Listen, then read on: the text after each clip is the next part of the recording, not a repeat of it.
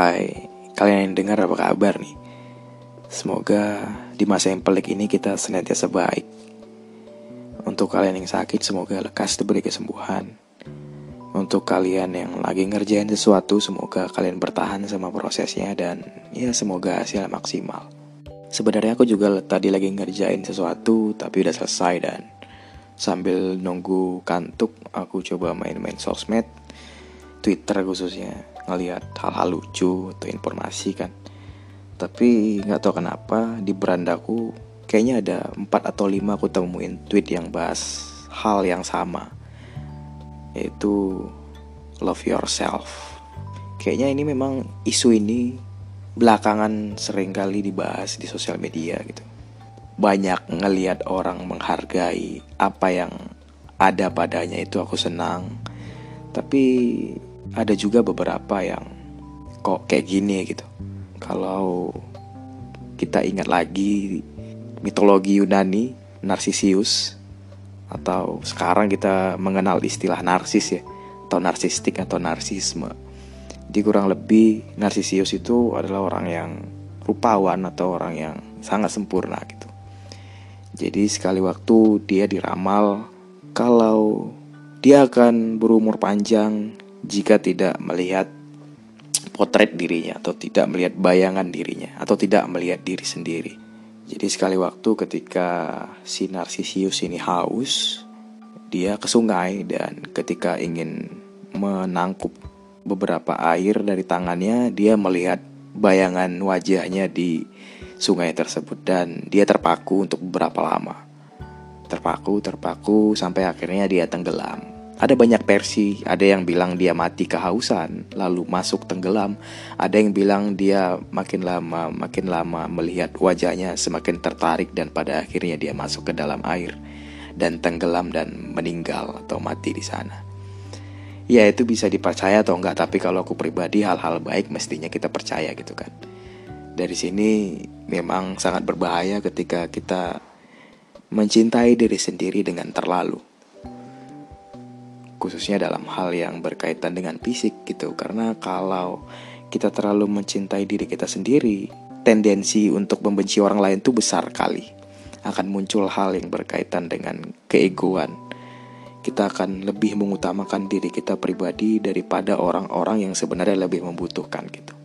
Hal-hal itu yang muncul dan itu yang mencederai konsep mencintai diri sendiri tadi.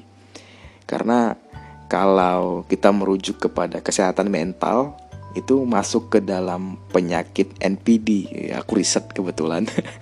Jadi tadi buka sosmed aku research aku lihat dan aku bikin podcast. Jadi ini podcastnya ada datanya gitu ada yang bisa dipetik atau informasi yang didapat. Jadi nanti bisa kalian buka lah di di internet atau di literatur-literatur terkait kesehatan mental yang berkaitan dengan narcissistic personality disorder.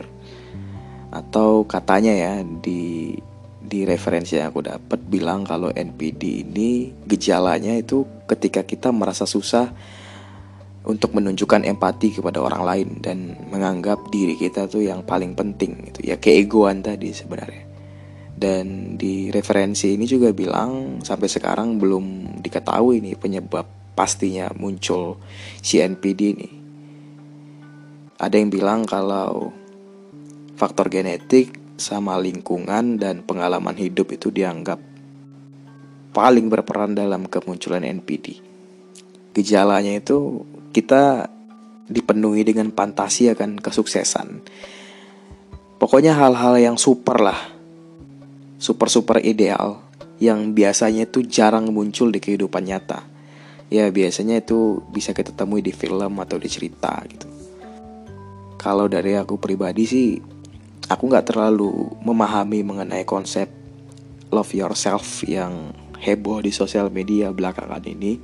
Tapi beberapa aku baca buku terkait membahas tentang ya ini tentang diri sendiri, tentang eksistensi diri dari sana aku bisa petik kalau ya kita boleh memeluk diri kita tapi jangan terlalu erat gitu.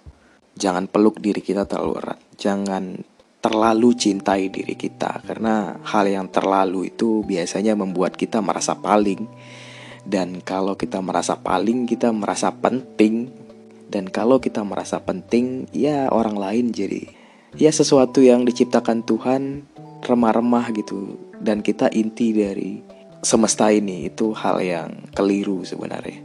Karena ya itu bisa balik ke sini nih, bisa balik ke NPD ini. Aku atau apakah ini penyakit mental atau enggak Ya kalau nggak mau berakhir seperti Narsisius tenggelam dengan dirinya sendiri ya lebih baik sih pahami dulu tentang diri kita dan dari situ kita bisa pilih mana yang bisa kita cintai, mana yang bisa kita cintai tapi jangan terlalu gitu. Maksud aku kayak gini, misalnya kita punya kekurangan nih. Kita bisa cinta itu. Tapi jangan terlalu. Ya intinya jangan lupa peluk dirimu setiap hari tapi jangan terlalu erat nanti kalian sakit sendiri. Dan ingat, akan aneh kiranya ketika kita ingin mencintai diri kita sendiri tapi membenci banyak orang atau membenci orang lain. Karena kunci untuk bisa mencintai diri sendiri, kita harus mencintai orang lain. Sebaliknya, untuk bisa mencintai orang lain, kita harus bisa mencintai diri kita sendiri. Oke, terima kasih. Ini adalah hal bijak yang bisa aku sampaikan untuk hari ini. Iya, terima kasih.